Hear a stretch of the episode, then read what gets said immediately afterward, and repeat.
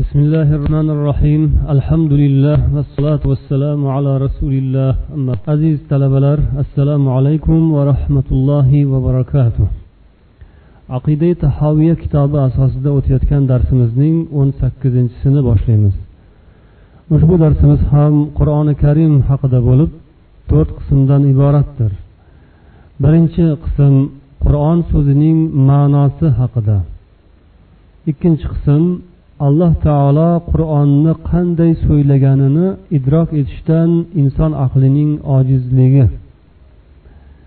va qur'onni nafsoniy kalom deguvchilarga raddiya. Uchinchi qism kalom deganda lafz nazarda tutiladimi yoki ma'nomi? Yo esa kalom lafzga ham ma'noga ham barobar dalolat qiladimi? To'rtinchi qism qur'onning ham lafz ham ma'no jihatidan mo'jizaviyligi. Endi ushbu qismlarni alohida alohida ko'rib chiqishga kirishamiz. Birinchi qism ya'ni qur'on so'zining ma'nosi haqida ikki xil fikrni borligini esimizga olamiz. Qur'oni karimning o'zida suralarda qur'on kalimasining ikki xil ma'noda kelganligini ko'ramiz. Qur'on o'zi ba'zan o'qimoq ma'nosida ya'ni qiroat ma'nosida masdar ma'nosida keladi.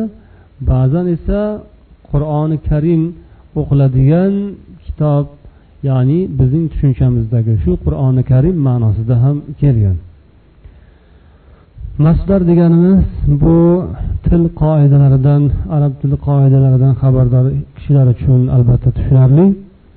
O'zbekchada esa fe'lning noaniq formasi deb aytiladi. O'ruschada infinitiv degan so'z bilan ifodalanadi. Demak birinchi ma'nosi qur'on al qiroat ma'nosida o'qimoq degani. isro surasining yetmish sakkizinchi oyati bunga dalil bo'ladi أعوذ بالله من الشيطان الرجيم وقرآن الفجر إن قرآن الفجر كان مشهودا bu oyatda alloh taolo tonggi qiroat tong vaqtida qur'onni o'qish tilovat qilishni lozim tutish haqida ko'rsatma bergan buyurgan Tong vaqtida o'qilgan qiroatga farishtalarning guvoh bo'lishlari haqida xabar bergan. Demak bu bu oyatda qiroat ma'nosida keltirilgan. Qur'on o'qimoq qiroat ma'nosida keltirilgan. Goho esa qur'on qur'oni karim ma'nosida zikr etilgan. Bunga misol qilib biz nahl surasining to'qson sakkizinchi oyatini esga olishimiz mumkin.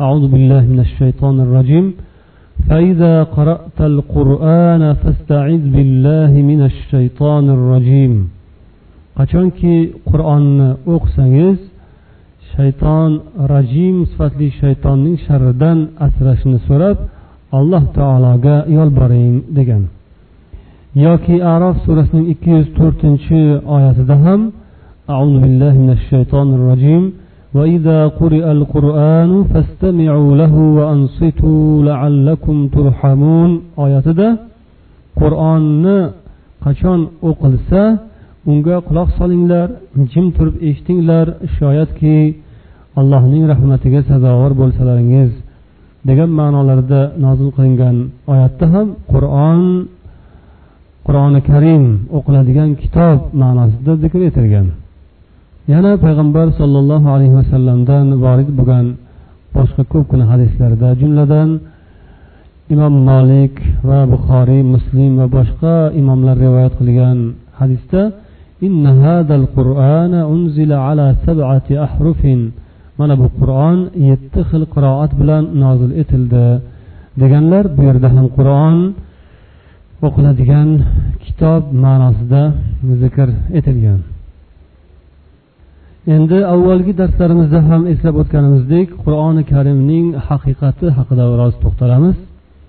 Qur'on haqiqatan ham allohning kalomi allohning haqiqiy kalomi ekanligi xususida va u majozan emas balkim haqiqatan allohning kalomi ekanligi xususida shularni aytishimiz kerakki bu qur'oni karim o'qilganda demak u qur'on allohning haqiqiy kalomi tilovat qilinayotibdi eshitilayotgan narsa allohning haqiqatan ham kalomi yoki kitobga yozilgani xat kitoblarga xat etib ya'ni kitobat qilib yozilgan narsa sahifalardagi turgan narsa bu ham alloh taoloning kalomi.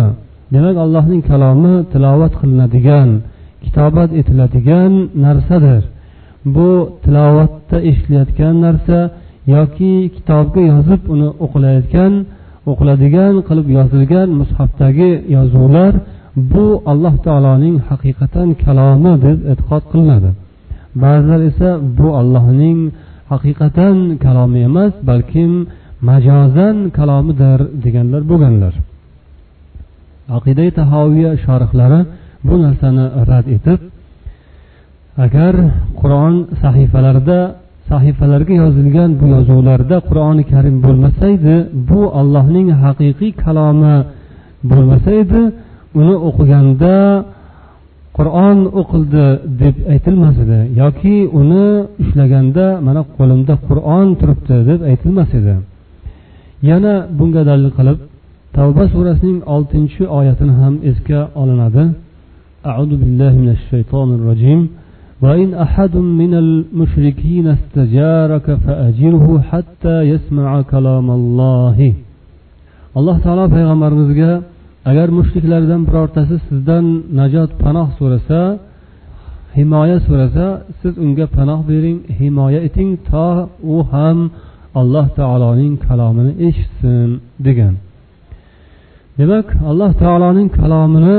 tilovat qilganda eshitsin. Allohning kalomi eshitiladigan narsa o'qiladigan narsadir degan haqiqatni mana bu qur'oni karim oyatidan ham bilishimiz mumkin.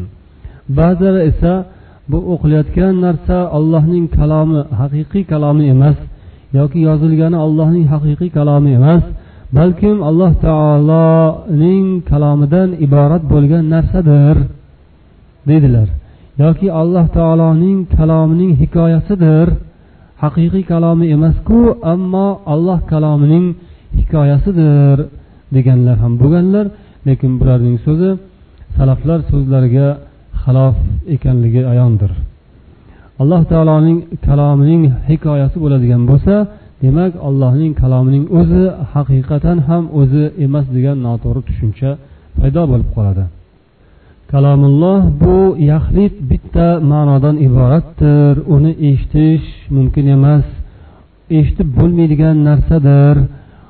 Deguvchilarga imom tahoviy janoblari kalamullohi minhu bada degan so'zlar bilan raddiya beradilar. Kalamulloh alloh taolodan zohir bo'lgandir deb. Va yana boshqa ulamolar kalomulloh alloh taolodan zohir bo'lgan va unga qaytadi. Yana oxirida unga qaytadi deydilar. Alloh taoloning haqiqiy so'zi kalomulloh undan zohir bo'lgan. Alloh taoloning sifati bu majozan emas haqiqatan ham allohning kalomidir. Allohdan zohir bo'lgan degan so'z bilan yana jahmiylar va mo'tazilalarga raddiya beriladi. Chunki ular aytadilar alloh taolo kalomini o'zidan zohir qilgani yo'q balkim u bir ma'lum joyda makonda ma'lum bir o'rinda qur'onni alloh taolo yaratdi. O'sha makondan o'sha o'rindan qur'on taraldi zohir bo'ldi boshlandi deydilar. Minhu bada degan ya'ni allohdan zohir bo'ldi degan so'z alloh taolo o'zi gapirdi degan so'zdir. Allohdan boshqa biror joydan taraldi boshqa biror bir joydan u tarqaldi paydo bo'ldi degan so'z to'g'ri emasligiga sajda surasining o'n uchinchi oyati ham dalil bo'ladi. Lekin so'z mendan haq rost aniq zohir bo'ldi aytildi degan ma'noda bu yerda ham oyat qur'on allohning kalomi nazarda tutiladi yoki bir yuz ikkinchi oyat nahl surasining bir yuz ikkinchi oyatida قل نزله روح القدس من ربك بالحق ayting ey muhammad robbingiz tomonidan ruhul qudus jabroil farishta bu qur'onni nozil qildi robbingizdan nozil qildi degan Alloh taologa qur'oni karim qaytadi. Ilayhi yaud degan so'zlar ham salaflar tomonidan aytilgan. Buning ma'nosi shunday bir kun keladiki qur'oni karimdan xatlar harflar ko'tariladi. Qalblardan ham qur'oni karim ko'tariladi. Hech bir joyda qur'ondan asar alomat qolmaydi. Na inson yodida qalbida na mushaf qur'on sahifalarida. Degan ma'no ba'zi bir hadislarda aniq kelgan. Ibn mojja rivoyat qilgan hadisda payg'ambarimiz sollallohu alayhi vasallam aytadilar islom xuddi kiyimning guli o'chib yo'qolib ketganday bir kun o'chib yodlardan tasavvurlardan ko'tarilib ketadi. O'shanda ro'za nima namoz nima qurbonlik sadaqa nima bilinmaydi odamlar bu narsalarni unutadilar. Va shunday bir kun keladiki alloh taoloning kitobi ham bir kechada ko'tariladi. Yer yuzida biror bir oyat qolmaydi. Faqatgina shunday bir toifalar qoladilar. Keksa chollar va keksa kampirlar ular aytadilarki bir paytlar ota bobolarimiz la ilaha illalloh degan kalimani aytganlarini eshitardik. Biz ham shu kalimalarni aytamiz. Mana bu hadisdan ko'rinadiki qur'oni karimdan oxir zamon borib borib harflar ko'tariladi.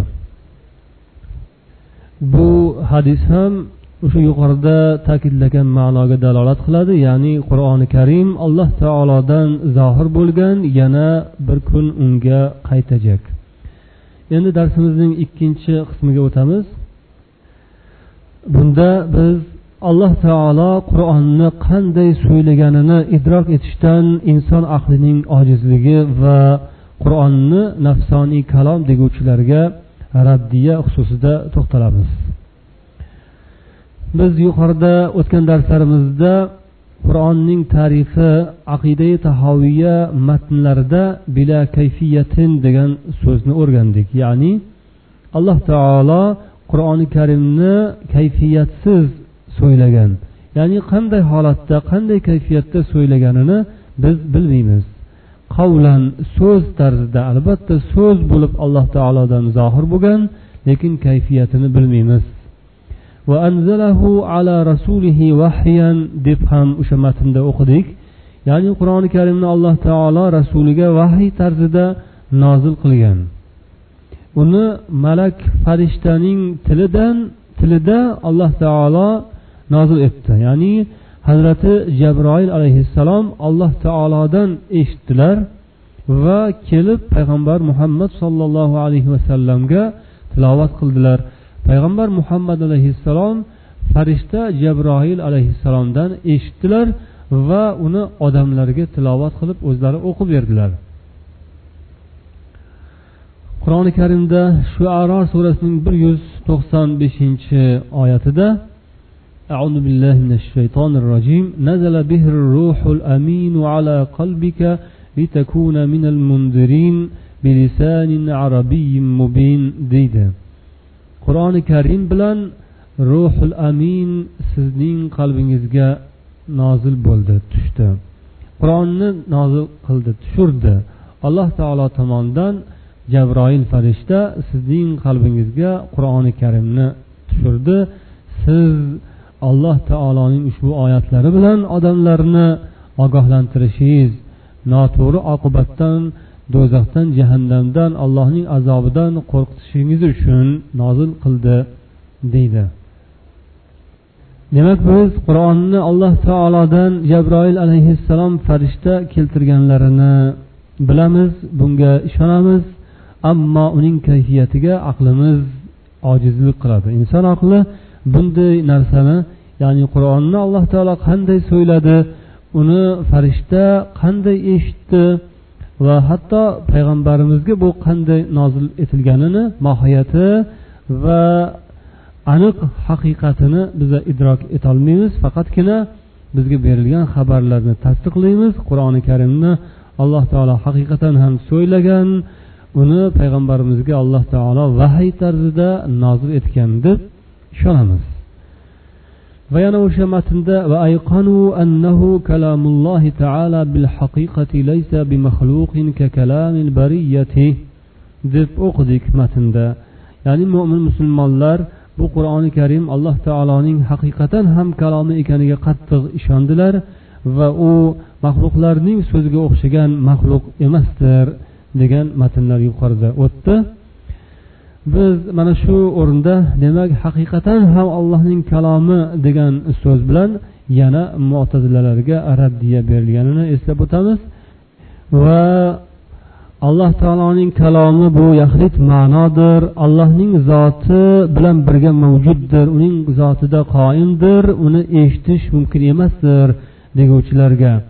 Buni eshitib bo'lmaydi balkim u bir nafsoniy so'zdir. Deguvchilarga ham raddiya borligini ko'ramiz. Chunki nafsoniy so'z nafsoniy kalom degani ya'ni eshitilmaydigan gapirilmaydigan faqatgina go'yoki ichidan o'tadigan o'ziga o'zi biladigan o'zining ichidan o'tadigan so'z yoki odamlarni iborasida odamlarga nisbatan aytilsa xayoldan o'tadigan so'z deyiladi. Ichida o'ylaganini uni xayoliy so'zi ichida so'zladi degandek alloh taoloning ham kalomi bu u so'ylamaydi balkim uning nafsidagi ma'nodir bu nafsoniy kalomdir deganlar bo'lganlar. Lekin bu so'zlarga ham yuqorida bil haqiqati kalamullohi taala bil haqiqati degan iboralar ularga raddiya bo'ladi. Haqiqatan ham allohning kalomi deganda demak u faqat nafsdan o'tadigan narsa emas balkim tashqariga eshitiladigan zohir bo'lgan alloh taolodan zohir bo'lgan so'zdir deb tushunamiz. Chunki masalan misol qilib oladigan bo'lsak tilsiz insonni hech qachon gapiruvchi gapirdi deb aytilmaydi. Agar o'sha soqov tilsiz inson maqsadini ishora bilan tushuntirsayu shu ma'noni boshqa bir odam qog'ozga tushirsa hech mahal bu palonchining gapirgan so'zi deb aytilmaydi balkim u maqsadining ifodasi palonchining iborasi o'sha shaxsni iroda etgan ma'noning ifodasi iborasi deb aytiladi. Alloh taoloni kalomini u kalomi nafsoniy kalomdir deguvchilar ham xuddi mana shunga o'xshatib qo'yadilar. Ularning nazdlarida farishta alloh taolodan shu ma'nolarni uqdi angladi keyin o'zi uni ifodaladi iboraga solib tartibga solib qur'onni oyatlarini o'zicha gapirdi. O'zi arab tilida uni ta'rif etdi deguvchilar yoki bo'lmasam alloh taolo buni havoda yaratdi. Qur'onni o'zining zotida mavjud bo'lgan o'zida qoyim bo'lgan ma'noni alloh taolo tashqarida havoda yaratdi yoki farishta undan aylab o'qib keyin payg'ambar sollallohu alayhi vasallamga buni o'z iborasi bilan bayon qildi deguvchilar xuddi yuqoridagi misolga o'xshatib qo'yadilar. Demak bu narsalarning hammasi xato. Qur'oni karimni nafsoniy kalom deb aytilmaydi balkim u lafzan ham ma'nan ham qavlan alloh taolodan zohir bo'lgan haqiqatan ham alloh taolo uni so'ylagan kalomullohdir. Darsimizning uchinchi qismi kalom deganda lafz nazarda tutiladimi yoki ma'nomi? Yo esa kalom lafzga ham ma'noga ham bab barobar dalolat qiladimi degan mavzu. Qadimda odamlar ulamolar kalom lafzi xususida bir necha xil fikrlarni o'rtaga tashlaganlar jumladan ahli sunna va jamoa mazhabiga mansub bo'lgan ulamolar kalom deganda ham lafzu ham ma'no bab barobar tushuniladi. Xuddi inson deganda ham ruhu ham badan bab barobar nazarda tutilgandek dedilar va bu to'g'ri e'tiqod deb qabul qilinadi. Adashgan toifalar esa bu borada ham turli xil gaplarni paydo qilib salaflar sahobiy va tobiinlar gapirmagan so'zlarni paydo qildilar o'rtaga tashladilar. Ular kalom deganda faqatgina lafzgagina ishora bo'ladi. Kalom bu lafzning ismidir faqat. Ammo ma'no kalom degan tushunchaning tarkibiga kirmaydi u alohida narsa desalar boshqa birlari esa kalom deganda faqatgina ma'noni nazarda tutamiz. Kalom bu ma'noning ismidir. Э, lafzni esa kalom deganda faqatgina majozan kalom deyiladi. Haqiqatan emas chunki bu lafz ma'noga dalolat qilgani uchungina unga kalom deymiz bu majozan deydilar. Boshqa birlari esa goho lafz goho ma'no ham kalom deyiladi.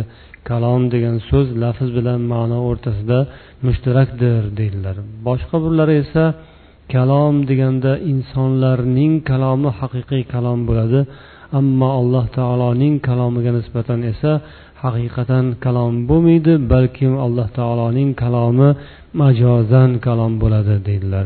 Chunki odamzod so'ylaganda o'zi og'zi bilan so'ylaydi u kalom odamzod bilan birga qoyim bo'ladi shuning uchun uniki haqiqiy kalom. Odamzodning kalomi bu haqiqatan kalom deyiladi. Ammo alloh taoloning esa kalomi uning bilan birga qoyim bo'lmaydi uning bilan birga paydo bo'lmaydi. Shuning uchun ham alloh taoloning kalomi deganda majozan aytiladi. Alloh taoloning kalomi o'zidan tashqarida voqe bo'ladi o'zining ichida emas degan so'zlarni aytganlar. Ular faqat ma'no alloh taolodandir lekin lafz esa bu tashqaridadir deb xuddi nasorolarning so'zlariga qarab o'xshab ketadilar. Chunki nasorolar ham mana shu kalom borasida adashganlar ular iso payg'ambarni ollohning kalimasi so'zi deganlar. Isoning o'zi bu ollohning kalimasi ollohning so'zi alloh taoloning so'zi yerga tushdi va u inson bilan qo'shildi. Ya'ni iso so'z edi ollohning so'zi edi. U yerda odam sifatida yurdi. Shunday qilib lahut va nosut bir biriga qo'shildi deydilar. Lahut degani ilohiylik nosut esa insonlik. Lahut ya'ni allohning so'zi ilohiy so'z allohning ilohiy bir sifati yerda insonga qo'shildi. U iso bo'lib yerda yurdi. Deydilar xuddi mana shu gapga o'xshab ketadi ba'zi bir musulmonlarni ichlaridan chiqqan adashgan toifalarning so'zlari. Ya'ni ular kalom alloh taoloning tomonidan kelgan ma'no faqat. Lafz esa maxluqdir. Lafz go'yoki tashqaridan kiydirilgan bir kiyim libos niqob. Ma'no esa alloh taolodan. U ma'noni aslida eshitib bo'lmas edi. Uni anglab yetish faqatgina tashqi bir yordam bilan birga ya'ni maxluq bo'lmish lafz tashqarida yaralgan narsa bilangina u ma'no anglashiladi. Shuning uchun ham ma'no allohdan lafz esa maxluq tomonidan ya'ni alloh taolo yaratgan maxluq edi lafz. Eshitilayotgan narsa bu lafz bu maxluq ma'no esa alloh taolodan ikkovi qo'shilib keyin u qur'on bo'lgan degan so'zlarni aytganlar. Bu bilan ular xuddi iso payg'ambarga nisbatan nasorolar noto'g'ri tushunchada bo'lganga o'xshab ketadilar. Isoni ham xudoning so'zi yerga tushdi inson bilan birga qo'shildi degan so'zga o'xshagan kalimalarni adashgan toifalar aytganlar. Lekin biz yuqorida eslab o'tganimizdek kalom deganda ahli sunna va jamoa ham ma'no ham lafz bu birgalikda kalom deb tushuniladi. Agar mana shu tushunchani qur'oni karimga taqqoslaydigan bo'lsak demak qur'on ham ham ma'no ham lafz jihatdan alloh taolodandir deb tushunamiz. U ma'nosi ollohdan bo'lib lafzi yerdan olingan emas bir tomoni ilohiy bir tomoni insoniy narsadan qo'shimchasidan paydo bo'lgan emas balkim lafz jihatidan ham ma'no jihatidan ham u alloh taoloning sifatidir alloh taoloning o'zinikidir. Kalom bu faqatgina nafsoniy bir ma'nodir degan so'zga raddiya tarzda payg'ambarimiz sollallohu alayhi vasallamning ba'zi bir hadislarini shorih keltiradilar. Imom muslim abu davud nasaiylar rivoyat qilgan mana bu hadisda payg'ambar sollallohu alayhi vasallam aytadilarki inna solatana hazihi la yasluhu fiha shay'un min kalamin nas. Mana bu namozimiz buning ichida bu namozning ichida odamlarning kalomi so'zidan hech bir narsa joiz emasdir. Degan so'zlari bilan agar namozda odamzod o'zidan o'zi gapirib yuborsa odatdagi so'zlardan so'ylab qolsa so'ylab qo'ysa uning namozi buzilishiga ishora qilganlar. Barcha ulamolarning ittifoqi bilan namozda inson gapirsa uning namozi buziladi. Lekin shu bilan bir qatorda yana barcha ulamolar ittifoq qilishganki agar odamzod dilida namoz o'qib turgan paytda dilida dunyoviy ishlarni o'ylasa dildan o'tkazsa har xil narsalarni xayoliga keltirsa uning namozi buzilmaydi. Demak namozi buzilishi uchun u tildan so'z bo'lib kalom bo'lib chiqishi kerak. Kalom namozni buzadi deganlarida u dildan o'tgan narsa buzadi deganlar yo'q balkim o'sha dildagi narsa tilga chiqsa keyin buziladi. Demak shundan ma'lum bo'ladiki u dildan o'tgan narsa nafsdan o'tgan narsa kalom bo'lmaydi toki u ovoz bo'lib bu yoqqa chiqib gapirilmasa tashqariga u zohir bo'lmasa u kalom emasdir. Mana shunga asosan shu hadislarga asosan ham alloh taoloning kalomi tashqariga zohir bo'lgan uning kalomi eshitiladigan ovoz bilan ya'ni farishta alloh taolodan eshitgan u kishidan farishtadan esa payg'ambar sollallohu alayhi vasallam eshitganlar. Ammo u adashgan toifalar qur'on kalom alloh taoloning nafsida o'zining ichidagi ma'nodir. U tashqariga esa maxluq bo'lgan lafzlar orqali chiqqandir degan so'zlarining botilligi noto'g'ri ekanligiga bu hadislar ham hujjatdir. Bu haqda sahoba ikromlar va tobeinlar davrlarida hech qanday nizo tortishuv va shakku shubhalar bo'lgan emas. Bularning barchasi ya'ni tortishuvlar va ixtiloflar keyinchalik mutaaxirin ulamolar davrida paydo bo'ldi.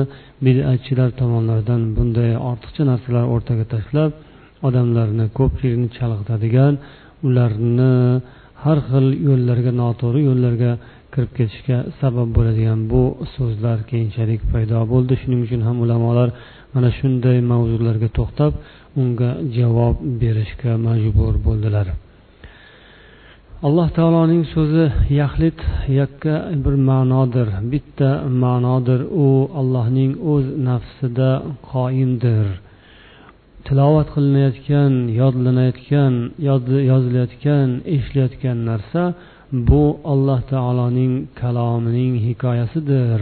Allohning kalomining hikoyasi esa u maxluqdir deydigan odamlar o'zlari sezib sezmagan holda qur'oni karimni maxluq degan bo'lib qoladilar. Qur'oni karimda isro surasining sakson sakkizinchi oyatida alloh taolo aytadiki auzu billahi minash shaytonir rojim. قل لئن اجتمعت الإنس والجن على أن يأتوا بمثل هذا القرآن لا يأتون بمثله ayting ey muhammad sollallohu alayhi vasallam agar insonlaru jinlar hammalari yig'ilib to'planib jam bo'lib mana shu qur'onga o'xshagan bir kitobni yaratmoqchi keltirmoqchi bo'lsalar aslo uning uddasidan chiqa olmaydilar Aslo bunday kitobni o'xshashini paydo qila olmaydilar keltira olmaydilar degan. Endi mana shu oyat bilan yuqoridagi so'zni bir biriga taqqoslab ko'rsak ya'ni alloh taoloning kalomining tilovati olloh so'zining hikoyasidir degan narsa alloh taoloning kitobiga o'xshagan narsani aytishdir degan bo'lib qoladi. Eshitayotgan o'qiyotgan kitob. Sizlar eshitayotgan kitobga o'xshagan bir kitobni keltirolmaysizlar deb alloh taolo aytyaptiyu. Endi agar qur'onni allohning kalomining alloh kalomining hikoyasi deyilayotgan bo'lsa unda odamlar alloh taoloning kalominiga o'xshagan narsani gapirgan bo'ladilar. Alloh taoloni kalomiga o'xshagan narsani keltirganga o'xshab qoladilar. Mana shu jihatdan olganda demak bu alloh taoloning kalomini tilovat qilinishi u olloh kalomining hikoya qilinishi deyilmaydi balkim haqiqatan ham qur'oni karim o'qildi. Mana shu yerda qur'oni karim zohir bo'ldi. Qayerda tilovat qilinsa qayerda qur'on kitobat etilsa bu alloh taoloning kalomi o'sha yerda zohir bo'ldi deb tushuniladi. Yetti yuz o'ninchi hijriy sanada vafot topgan abul barakat an nasafiy ismli kishi islom olamida juda ham mashhur ko'p musannafotlari kitoblari bilan barcha olam musulmon olamiga yaxshi tanish bo'lgan zot o'zlarining manorul anvar kitoblarida aytadilarki innal qur'ana ismun linnazmi val ma'na. Ya'ni qur'oni karim bu nazm va ma'noga ismdir.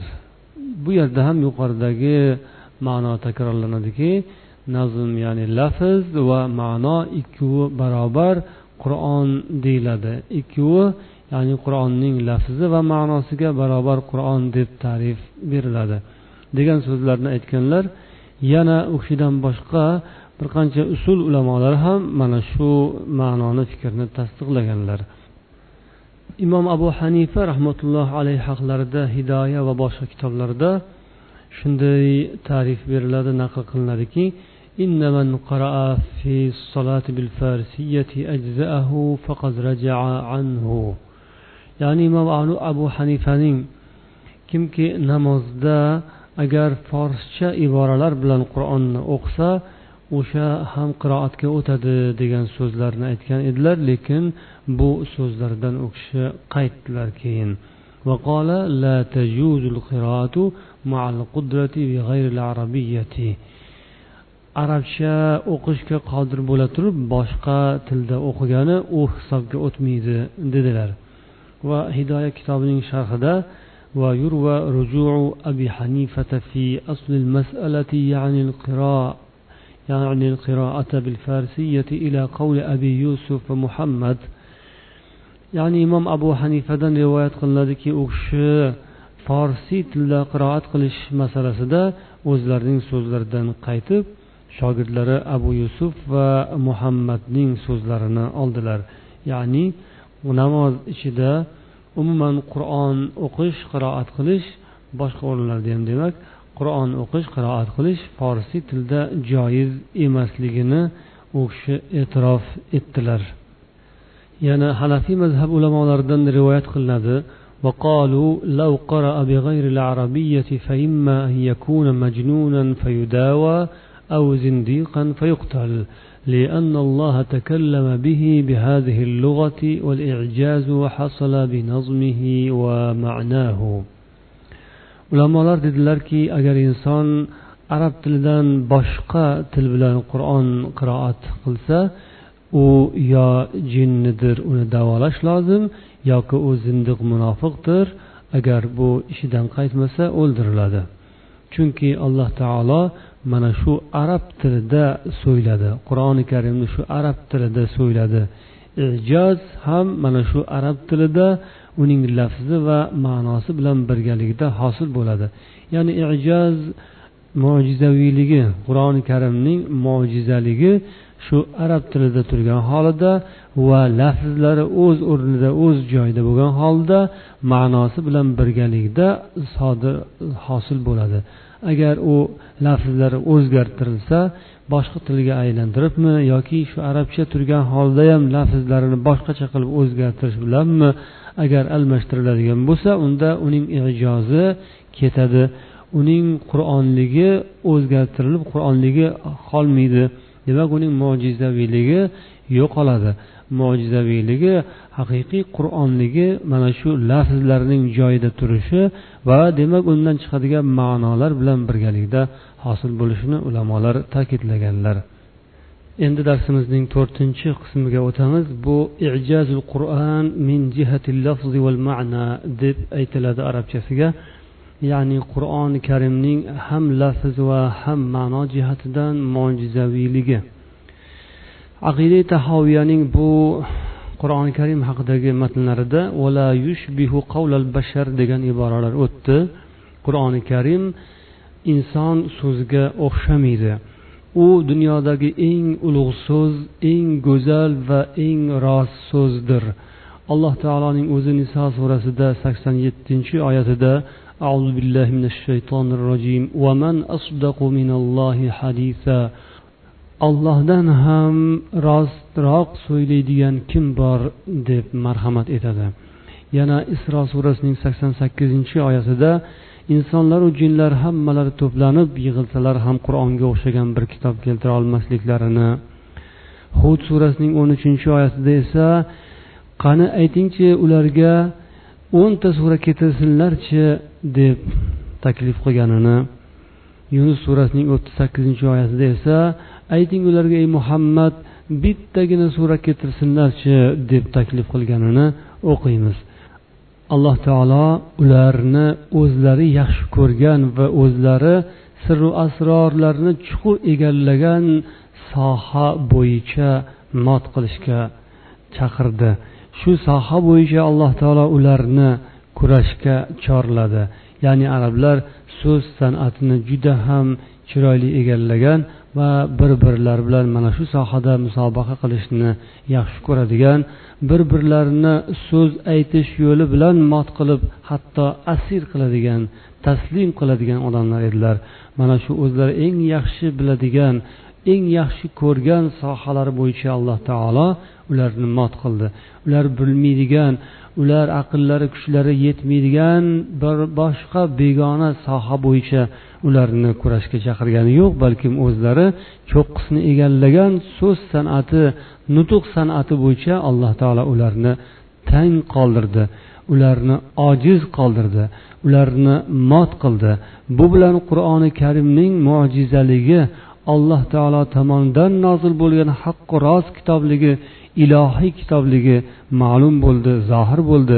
Bu bilan payg'ambar muhammad sollallohu alayhi vasallamning haqqu rost payg'ambar ekanliklari alloh taolo tomonidan yuborilgan haqiqiy elchi ekanliklari isbot bo'ldi.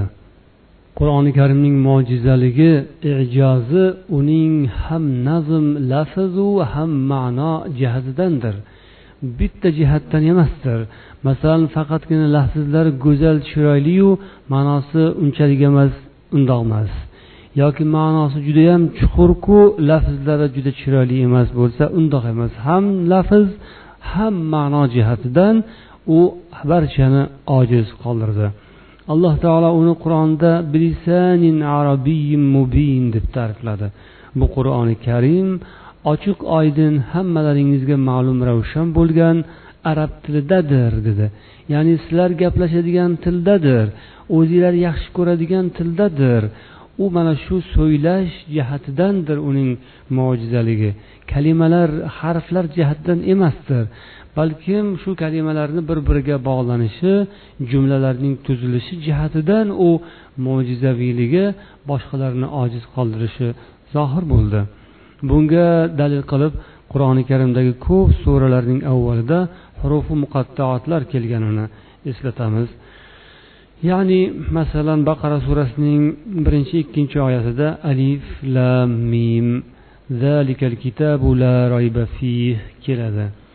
Ya'ni qayerda mana shu huruf muqattaotlar kelsa shuning keyindan kelgan oyatlarda albatta qur'oni karimga ishora bo'ladi. Alif lam mimdan so'ng mana bu kitob qur'on uning haqqi rost ekanligida hech qanday shubha yo'qdir deb keladi. Oli imron surasida ham alif lam mim deb alohida harflar zikr etilib undan keyingi oyatlarda nazzala alaykal kitaba bil haqq alloh taolo sizga bu qur'onni haqqu rost nozil qildi deyiladi. Yana boshqa arof surasida ham va yunus surasida boshqa suralarda ham huruf muqattoatlar alohida alohida harflar keltirilib orqasidan qur'oni karimga ishora qilinadi. Ya'ni bu bilan qur'oni karim mana shunday harflardan oddiy harflardan va oddiy kalimalardan iboratdir. U harflarni u kalimalarni sizlar har kuni ishlatasizlar lekin shunday bo'lsa ham birorta sura ham kitob u yoqda tursin birorta sura ham keltira olmaysizlar deyilmoqchi bo'ladi. Alloh taolo fatu bi suratin bitta sura keltiringlarchi dedi. Lekin fatu bi harfin yoki bi kalimatin demadi. Bitta harf keltiringlar yoki bir kalima keltiringlar demadi. Sura keltiringlar dedi. Eng qisqa sura esa uch oyatdan iboratdir ya'ni kavsar surasi. Shuning uchun ham imom abu yusuf va imom muhammad rahimahumulloh namozda qiroat farzini ado etishga kifoya qiladigan eng kam miqdor uch oyat bo'lsin yoki uzun oyat bo'lsa bir oyat bo'lsin. Bir oyat bo'lsa uzun bo'lsin deyishgan ekan. Chunki undan oz bo'lsa ijoz zohir bo'lmaydi ijoz voqe bo'lmaydi. Ya'ni qur'oni karimning mo'jizaligi zohir bo'lmaydi. Eng kamida uch oyat o'qilishi kerak qisqa oyat bo'lsa uzun bo'ladigan bo'lsa bir oyat ham kifoya qiladi deyishgan ekan. Mana bu so'zlar qur'oni karimning kalimalari joylashish tartibi ya'ni lafz jihatidan u mo'jiza ekanligiga dalolat qiladi. Endi aqida tahoviyaning quyidagi mana bu matni yuqoridagi o'tgan mavzularning xotimasi bo'ladi. ومن وصف الله بمعنى من معاني البشر فقد كفر فمن أبصر هذا اعتبر وعن مثل قول الكفار انزجر وعلم أن الله بصفاته ليس كالبشر kimki alloh taoloni insonlarga xos bo'lgan ma'nolar bilan birontasi bilan ta'riflasa u albatta kofir bo'ladi kimki bu narsani ko'rib anglasa albatta undan ibrat oladi va kofirlarning so'ziga o'xshash gapni aytishdan o'zini tiyib ehtiyot qiladi va u yaxshi biladiki alloh taolo o'zining sifatlari bilan hech qachon hech bir kimsaga o'xshamaydi. Yuqorida qur'oni karim alloh taoloning sifati haqiqiy kalomi ekanini ta'kidlash bilan allohning sifatini isbot etildi. Endi ba'zilar alloh taoloning sifatini isbot etaman deb tashbih tomonga o'tib ketib qolish xavfi bo'lganidan bu yerda alloh taolo hech bir kimsaga hech bir insonga o'xshamasligini alohida ta'kidlash bilan yuqoridagi mavzuga xotima yasaldi. Shu bilan